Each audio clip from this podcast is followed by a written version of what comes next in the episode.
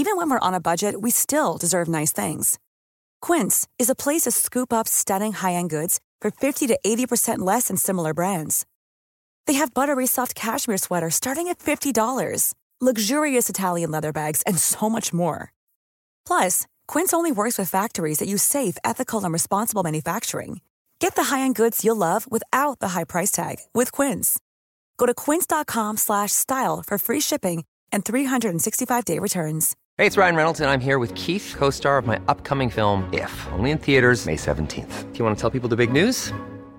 All right, I'll do. Sign up now and you'll get unlimited for $15 a month in six months of Paramount Plus Essential Plan on us. Mintmobile.com slash switch. Upfront payment of $45 equivalent to $15 per month. Unlimited over 40 gigabytes per month. Face lower speeds. Videos at 480p. Active Mint customers by 531.24 get six months of Paramount Plus Essential Plan. Auto renews after six months. Offer ends May 31st, 2024. Separate Paramount Plus registration required. Terms and conditions apply if rated PG. Du lyssnar på GVS ljudböcker.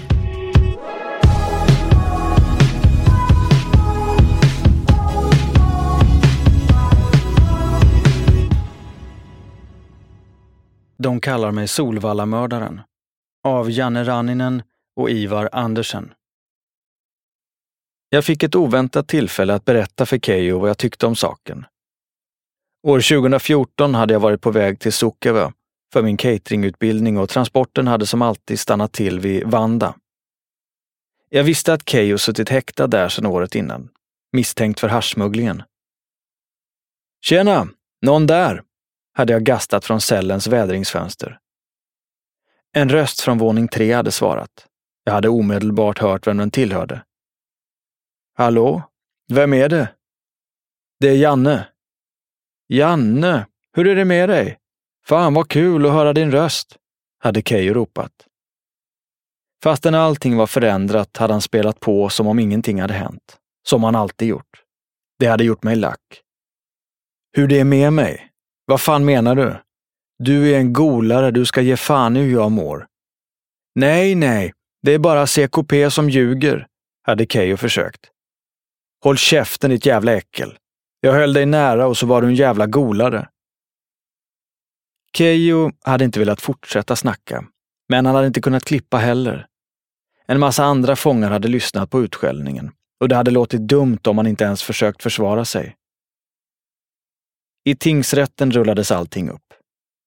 Arnio hade redan dömts för mutbrott och grovt missbruk av tjänsteställning för sina dubbla roller i Trevåkaffären. Först till ett år och åtta månader, sen till tre år. År 2016 åtalades han och Keyyo för narkotikasmugglingen. Nu gick det inte längre att gömma sig. Keyyo hade varit informatör i 20 år. Under hälften av den tiden hade han varit boss för Finlands tyngsta kriminella gäng. Han måste ha varit en guldgruva för snuten. Arnio hade byggt sin karriär inom polisen på att han alltid lyckades leverera namnkunniga brottslingar. Keyyo hade byggt sin kriminella karriär på att ange alla som kunde utgöra ett hot mot hans makt. Och samtidigt hade de sålt spaningsutrustning till myndigheterna och tagit in nära ton hash ihop. De var ett team. Jobbade ihop på varsin sida av lagen och växte sig starka genom samarbetet. Keyyo hade stått för kontakterna i den undre världen. När polisen börjat utreda haschsmugglingen hade Arnio fått utredningen flyttad till sin egen rotel, där den snabbt lades ner. De hade blåst precis alla som gick att blåsa. Arnio misstänks till och med ha iscensatt granatattacken mot sitt eget hus. Både Arnio och Keyyo fick tio år var, ovanpå sina tidigare trevågsstraff. Arnio fälldes för 18 olika brott och en av hans närmaste underlydande åkte på ett flerårigt straff för flera olika tjänstebrott. Tre andra snutar var åtalade men friades. Och två av Keyyos kontakter fick sju respektive tre år och två månader för narkotikan. Den tidigare vaktchef som hävdat att jag tvättat pengar dömdes också. Han hade avancerat till vice direktör på Jokkila och givetvis var han och Arnio kompisar.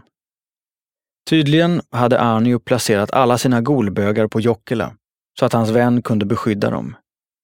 Förmodligen var det så Keyyo hamnat där från första början. Hela historien var som tagen ur en film. Det gick knappt att tro att den var sann. Men det var den. Shit. Vad fan händer?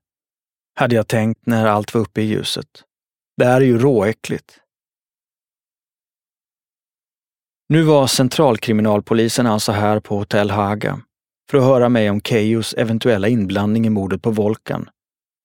Det mord jag velat ha så lite att göra med som möjligt, men som slutat med den livstidsvolta jag fortfarande avtjänade. Jani hade hört av sig till CKP och berättat att det var Keyyo som anstiftat mordet. Enligt Janis version hade Keyyo varit inblandad i att lägga ut kontraktet. Och att han hade gett det till Raimo och Jani var ingen slump. Det var så han tagit sig till toppen. Manövrerat ut alla som skulle kunna hota hans position. Blev någon för stark sålde han dem till snuten. Det var vad torpeden menade hade hänt med mordet på Volkan. Både Raimo och Jani var högt uppsatta i den kriminella världen. Keyyo hade gjort sig av med konkurrenter helt enkelt. Snuten ansåg också att det brev Leo skickat från häktet, som åklagaren använde i hovrättsförhandlingen, stödde anklagelsen. Leo hade ju nämnt Keyyo i brevet. Det visade enligt utredarna att de haft en etablerad kontakt. Torpeden menade att Arnio känt till att Volkan skulle klippas redan innan det skedde. Och det fanns gott om indicier som talade för deras teori. Jag och Raimo hade varit avlyssnade från den 14 oktober 2003, dagen innan Volkans död. Formellt hade vi varit misstänkta för grovt narkotikabrott, men vi hade aldrig några narkotikaaffärer ihop. Och under hela mordutredningen fick jag inte en enda fråga som rörde narkotika. Narkotikamisstanken kändes som ett svepskäl för att kunna spana på oss. Den typen av svepskäl som Arnio kunde använda. Han kunde inte gärna öppna en mordutredning, men som chef för narkotikaroten i Helsingfors kunde han peka ut vem som helst som misstänkt narkotikabrottsling, utan att det låg någonting i anklagelserna och utan att någon ställde frågor. Under mordrättegången 2004 hade åklagaren hävdat att utredarna fått jackpot, att Raimo avlyssnats för narkotika när han plötsligt avslöjade ett mord. Jag hade redan då tyckt att det lät för bra för att vara sant. Det var välkänt att Arnio var jävligt nära Kari Tolvanen, som var chef för Helsingforspolisens våldsrotel och som nu är riksdagsledamot för Samlingspartiet, ordförande för lagutskottet och ofta nämns som en möjlig ministerkandidat. Jani menar att Arnio levererat dem till Tolvanen som en inslagen present. Teorin har stöd även inom snuten. I Helsingin Sanomat har två poliser anonymt berättat att Arnio aktivt deltog i mordutredningen trots att han inte borde haft någonting mer än att göra efter att brottsrubriceringen var spikad. Kari Kauppi som ledde förhören med mig tillhörde också narkotikaroten. Jag mindes att jag hade tyckt att det var märkligt och frågat vad han gjorde i en mordutredning. Det var för att han pratade svenska, hade Kauppi sagt. Men det finns gott om snutar i kåren som snackar svenska. Och nu i efterhand stod det klart att Kauppi plockats in för att han stod nära Arnio. Kauppi hade också åtalats tillsammans med Arnio och Keijo. Han gick fri i rätten, men fick sparken ändå. När Arnio först åkt dit hade Kauppi åkt över och tröstat honom med en termos kaffe i cellen. Arnio hade då bett sin kollega att åka över till hans trädgård i Borgå och lägga ut ny jord i rabatten för att skydda mot kylan. Det där samtalet hade snappats upp av centralkriminalpolisen. Arnios nergrävda pengagömma hittades på precis det ställe där han instruerat Kauppi att lägga ut ny jord. Sedan fanns Sara. Och hennes historia var kanske det största indiciet på Keyos och Arnios inblandning i mordet på Volkan. Det var Saras berättelse som blivit början till slutet för kejsar Arnio. Hon hade gått till medierna flera gånger, men ingen trodde på henne. Till slut kollade en journalist upp hennes uppgifter och historien började nystas upp. Samtidigt pratade Sara med inrikesministeriet. Hon hette egentligen någonting annat och hade en trasig bakgrund. När Sara första gången kom i kontakt med Arnio var hon prostituerad.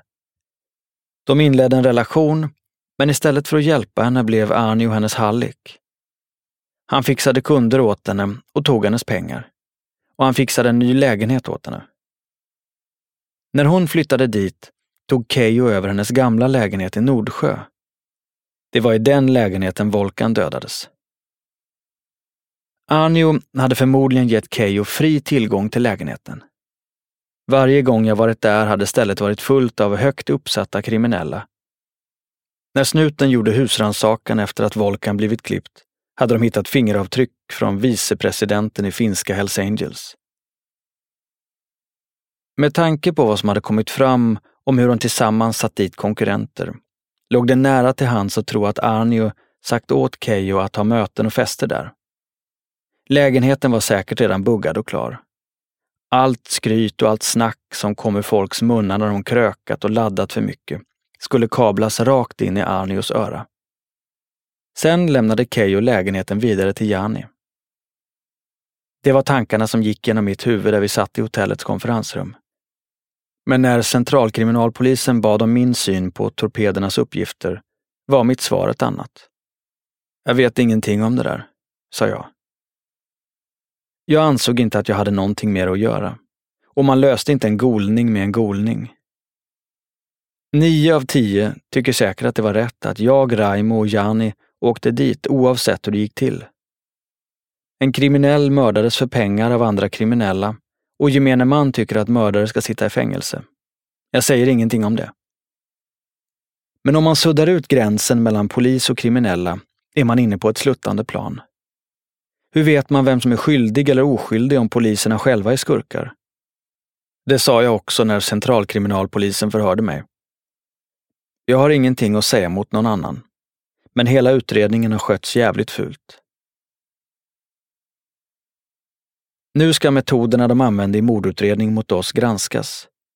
Jag var redan formellt misstänkt för mord när snuten sa att jag hördes upplysningsvis och användningen av hemliga tvångsmedel var jävligt suspekt.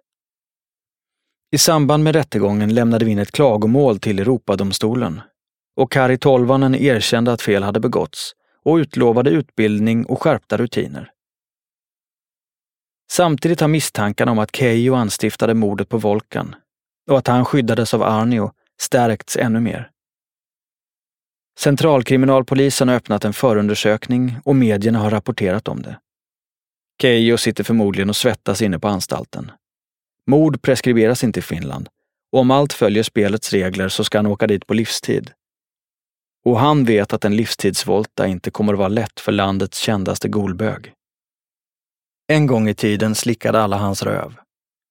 Han satt i möte med de andra gängens ledare varje vecka, höll freden och la upp strategier, gjorde politik precis som en partiledare. Nu har han inte kvar någon av sina gamla vänner. Det är kört för honom och jag sörjer inte en sekund. Hovrättsförhandlingarna mot Arnio och Keijo pågår fortfarande. Den beräknas vara klar i juni 2018 och har redan blivit Finlands dyraste rättegång någonsin. Samarbetet mellan Arnio och Keijo har satt många på kåken och kanske även mig på en livstidsvolta. Men det kunde ha varit värre. Det väldigt få vet är att Keijo nästan startade ett storkrig i början av 2000-talet. Ett krig som hade kunnat kosta många liv. Det värsta är att det inte ens fanns någon anledning. Det var bara det där äckliga svinet som var på fyllan och ville leva upp till sin fejkade gangsterfasad. När jag muckade från straffet för Solvallamordet, i tiden mellan klippningen på Volkan och gripandet, umgicks jag mycket med Keyyo. Han öppnade dörrar var alltid givmild och ställde alltid upp med cash till hyran när folk från hans gäng muckade. Jag hade stor respekt för honom. Men från hans sida var allt bara ett spel för att vinna ännu större tillit. Han var riktigt hal. Vi hade varit ute och festat på hotell Kallas Tajatorpa när Keijo från ingenstans plötsligt bytt samtalsämne. Folk från Sverige har frågat efter dig, Janne. Jaså? Jag fick en fråga om det fanns någon i Finland som kunde klippa dig, men jag gav dem kalla handen. Okej, okay vilka var det som frågade? Det kan jag inte säga. Var försiktig bara. Jag var nymuckad. Om någon väntat på en chans att få hämnas klippningen på Joxo var det nu de skulle slå till. Jag reste till Sverige och mötte upp Leo och Chito. Troligtvis är det juggarna, sa jag. Det kunde bara vara dem. Volkan hade bränt för många broar innan han dog och hade inget sånt nätverk som var redo att hämnas honom. Leo och Chito var med mig direkt. Jag behövde inte be om deras hjälp eller utlova några gentjänster. Vi måste slå tillbaka. Det finns inga andra alternativ, sa Chito. Att få deras uppbackning kändes jävligt skönt. Det fanns aldrig någon tvekan. Allt som behövde sägas blev sagt på några minuter. Armén var mobiliserad. Jag hade precis gjort mitt inom den kriminella världen. Mordet på Volkan skulle ju vara mitt bokslut. Jag var helt ointresserad av att köra ett nytt krig. Men om alternativet till det var att dö så var det inget snack. Det handlade om självförsvar. Tillbaka i Finland informerade jag Keyyo om vårt beslut. Vi skulle slå till först och vi skulle slå till hårt. Då kopplade jag inte varför Keyyo reagerade som han gjorde. I efterhand har jag förstått att han blev nervös. Situationen höll på att eskalera och glida honom ur händerna. Janne, frågan kom inifrån Moore, sa Keyyo och gav mig ett namn på en av medlemmarna i gänget.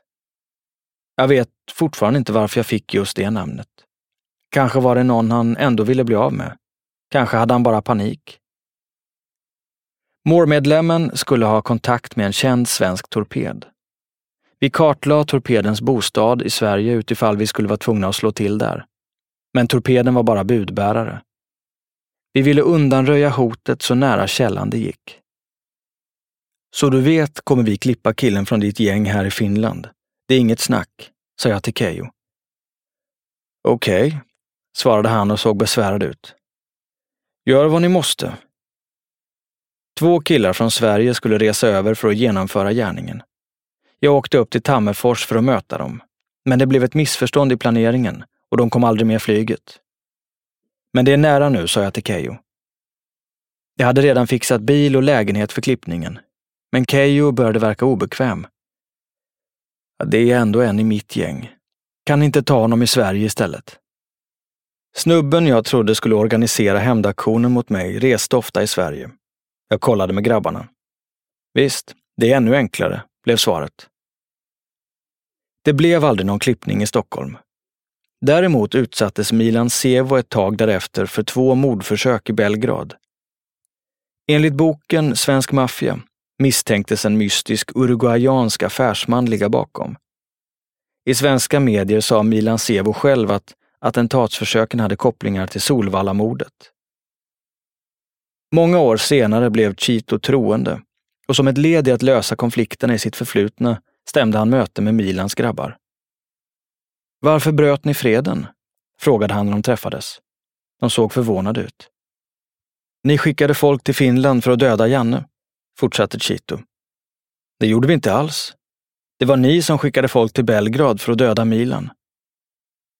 Det hade aldrig funnits några planer på att klippa mig. Det var bara Keyyo som skulle spela häftig på fyllan och råkade dra igång något han inte räknat med.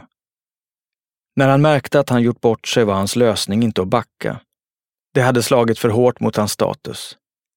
Istället valde han ut en oskyldig att leverera till slakt. Han var ett riktigt svin mot allt och alla. Det hade kunnat bli krig. Människor hade kunnat dö. Barn hade kunnat bli föräldralösa och mammor hade fått begrava sina söner. Keyyos ord vägde tungt på den tiden och konsekvenserna hade kunnat bli stora. Jag ifrågasatte aldrig sanningshalten i det han sa. Hade ingen anledning att göra det. Den världen jag levde i var ju sån. Man visste inte vem som skulle klippa vem och var alltid redo.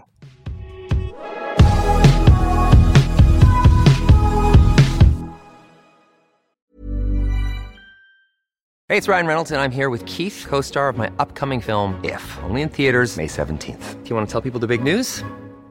All right, I'll do it. Sign up now and you'll get unlimited for $15 a month in six months of Paramount Plus Essential Plan on us. Mintmobile.com slash switch. Upfront payment of $45 equivalent to $15 per month. Unlimited over 40 gigabytes per month. Face lower speeds. Videos at 480p. Active Mint customers by 531.24 get six months of Paramount Plus Essential Plan. Auto renews after six months. Offer ends May 31st, 2024. Separate Paramount Plus registration required. Terms and conditions apply if rated PG. Even when we're on a budget, we still deserve nice things. Quince is a place to scoop up stunning high-end goods for 50 to 80% less than similar brands. They have buttery soft cashmere sweaters starting at $50, luxurious Italian leather bags, and so much more. Plus, Quince only works with factories that use safe, ethical, and responsible manufacturing. Get the high-end goods you'll love without the high price tag with Quince. Go to quince.com/style for free shipping and 365-day returns.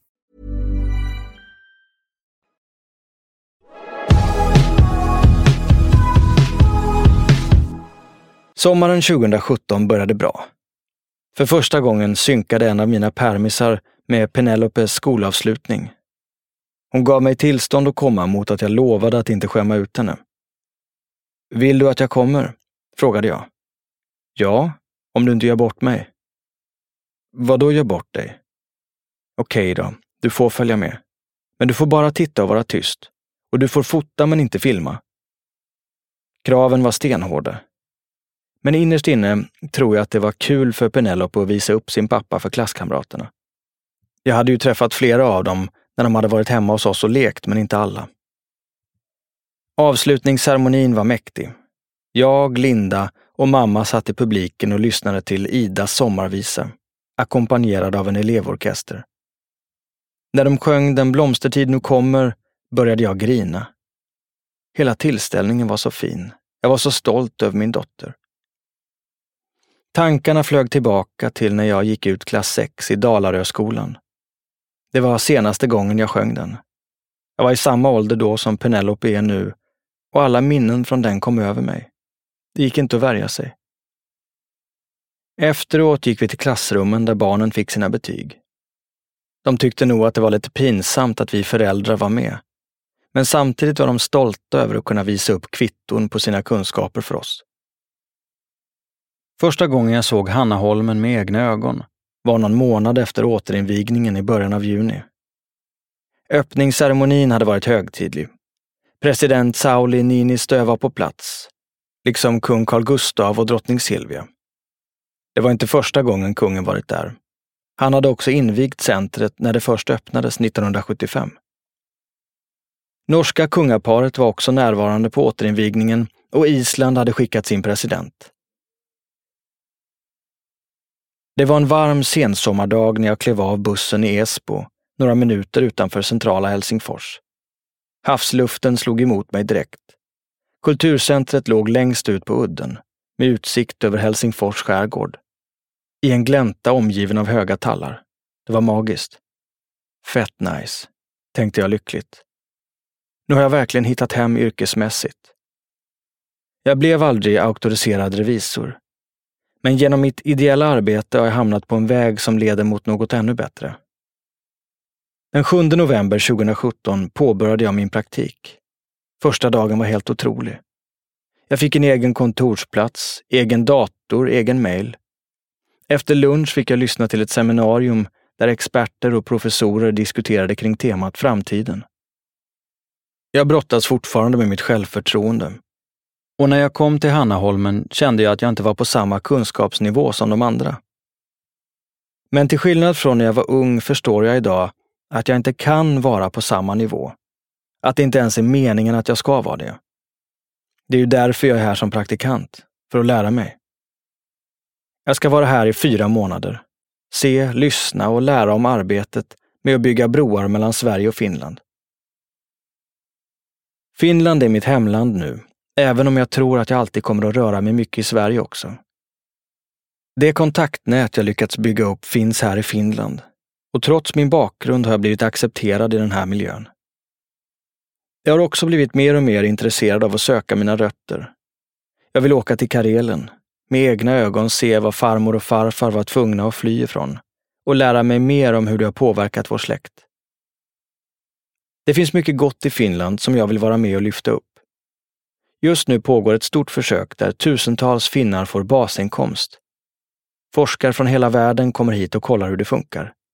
Det är ett storskaligt samhällsexperiment och tar sikte på framtiden och Finland är världsledande. Det gör mig stolt. Projektet att återuppliva kunskapen om den finska kulturen hos unga Sverigefinnar är särskilt spännande för mig.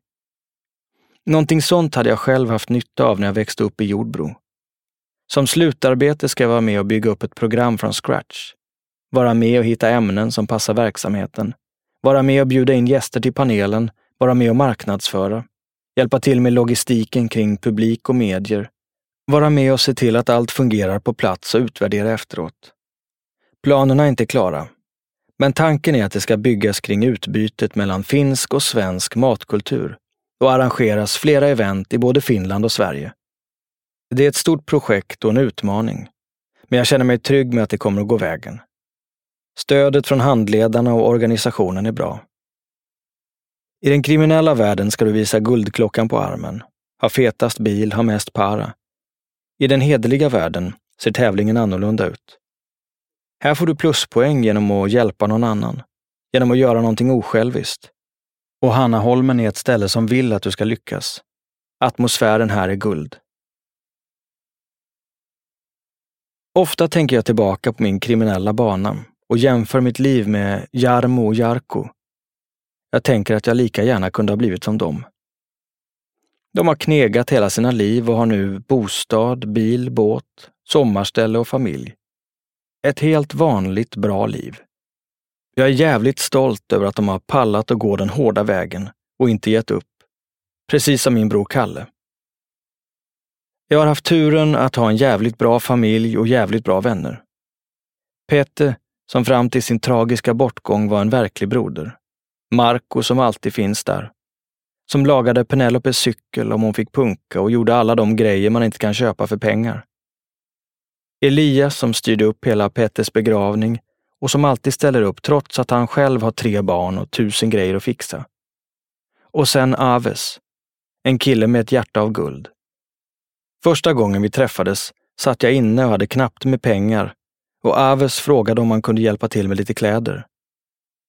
Nästa gång vi träffades hade han med sig två fulla pappkassar märkesplagg.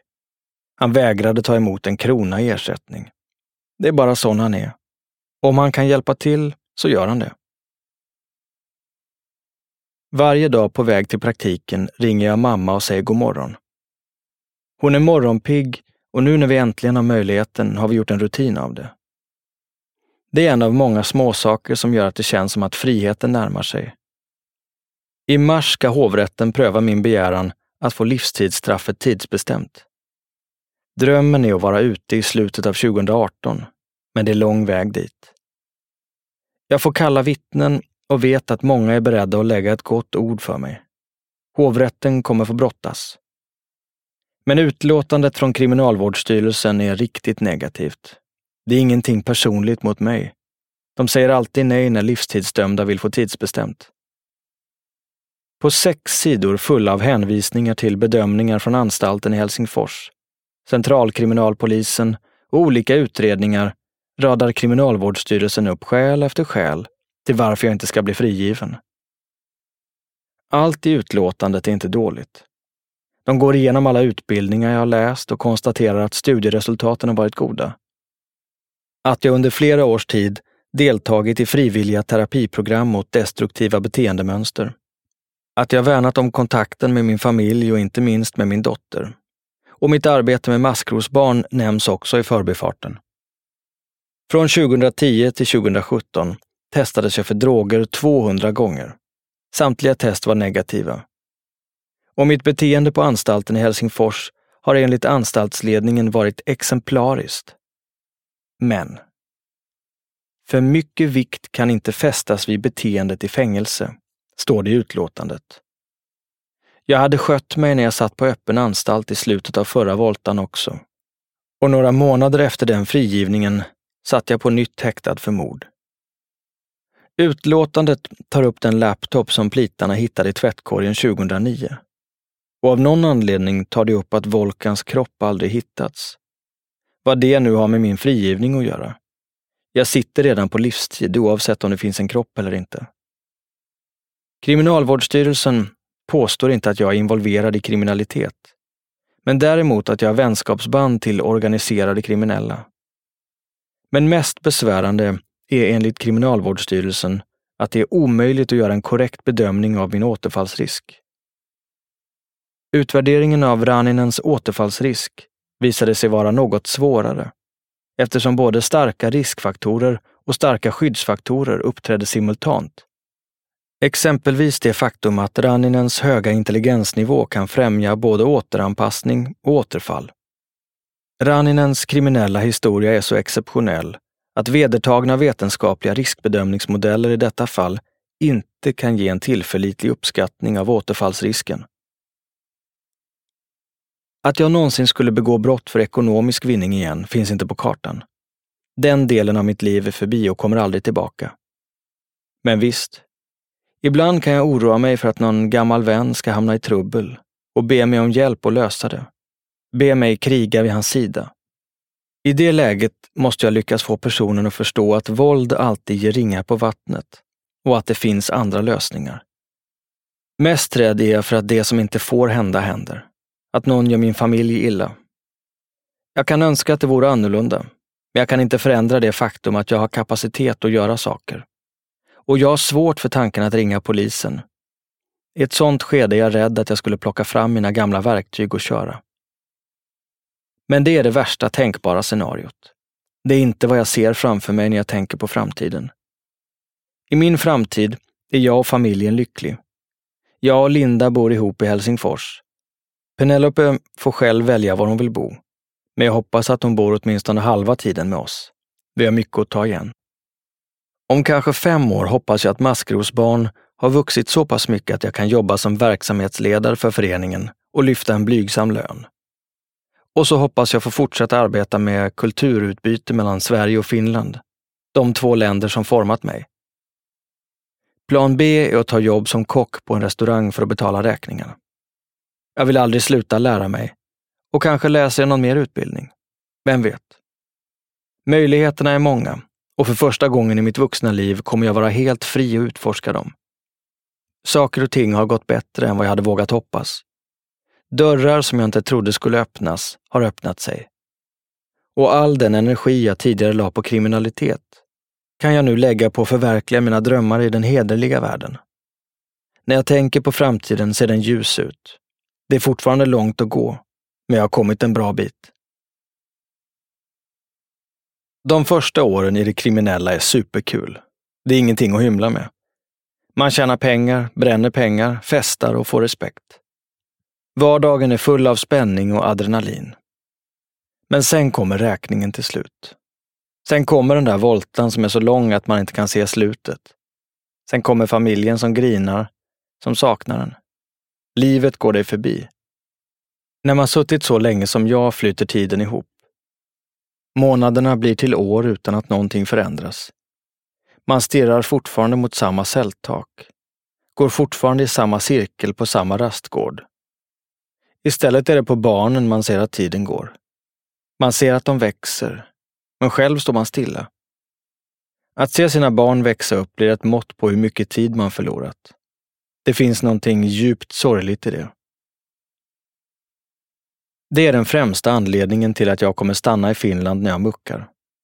Penelope bor ju här. Jag kan inte sitta hela hennes barndom och sen flytta till Sverige när jag äntligen kommer ut. Om hovrätten beviljar tidsbestämt och jag friges i slutet av året, som jag hoppas, så kommer jag vara 41 år. Jag kommer att ha tillbringat mer än hälften av mitt liv i fängelse.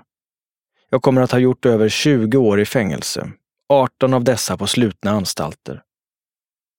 Jag tänker tillbaka på mitt liv. Jag kan se den oskyldige sjuåringen i Jordbro framför mig. Han som hade fått en ny ryggsäck och var fylld av förväntningar på väg till första skoldagen. Varför dömdes han till fem fängelsestraff?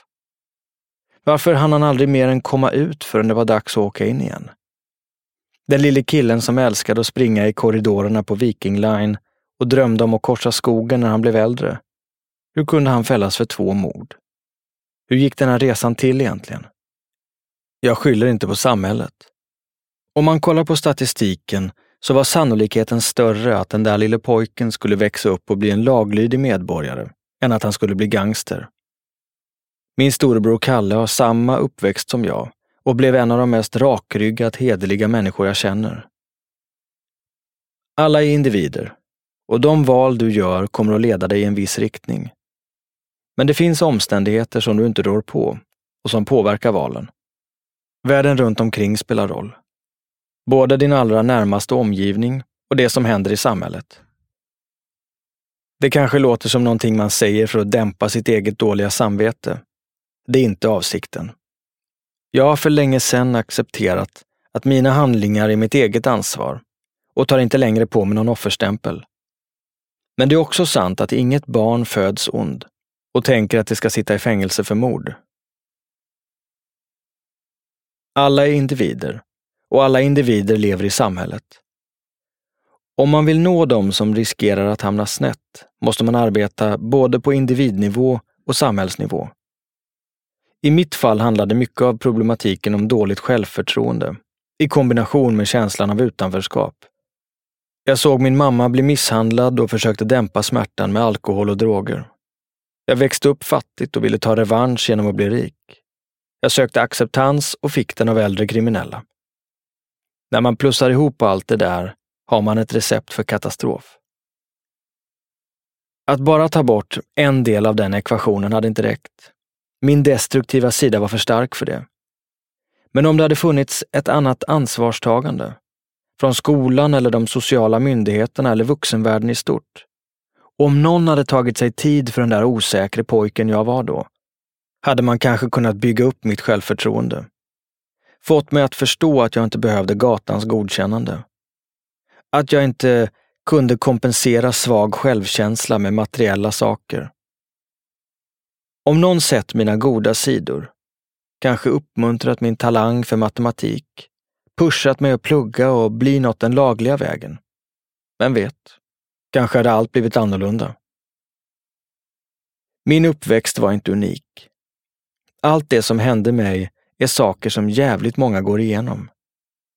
Det är därför jag hoppas att många ska kunna relatera till min berättelse och förhoppningsvis lära sig något av den.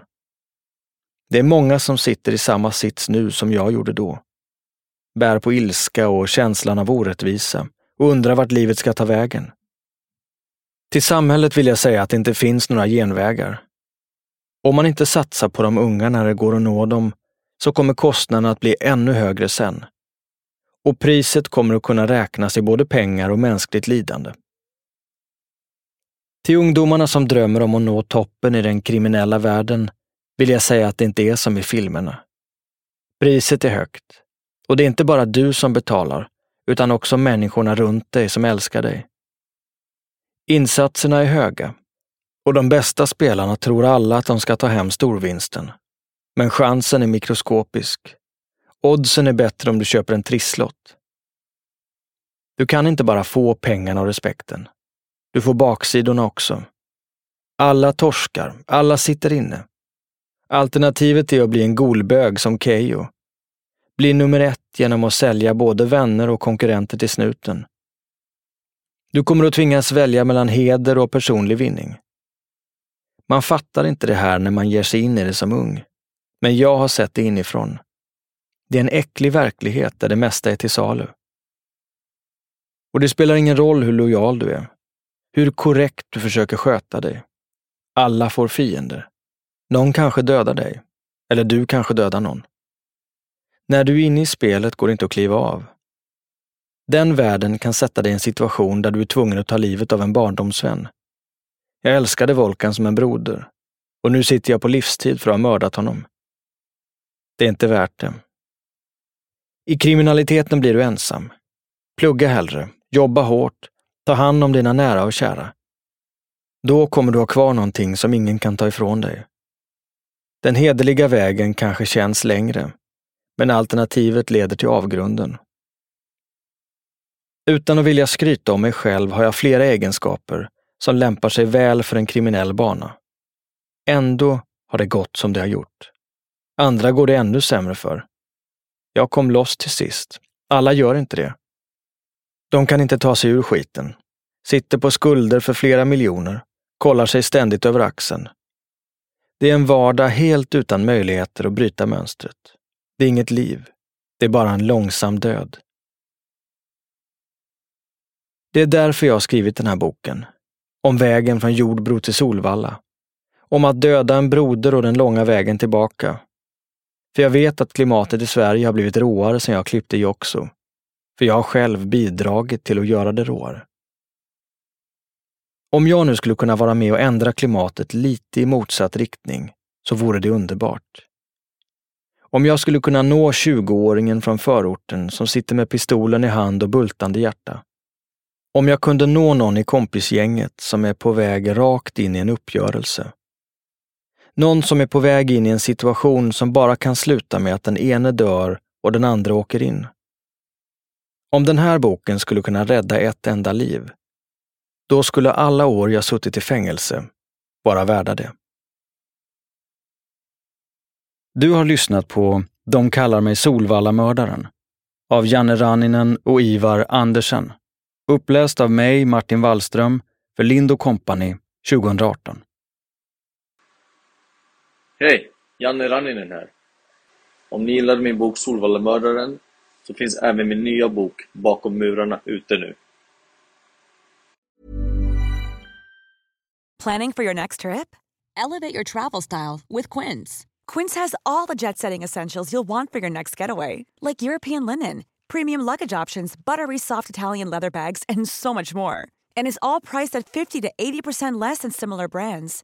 Plus, Quince only works with factories that use safe and ethical manufacturing practices. Pack your bags with high-quality essentials you'll be wearing for vacations to come with Quince. Go to quince.com/pack for free shipping and 365-day returns.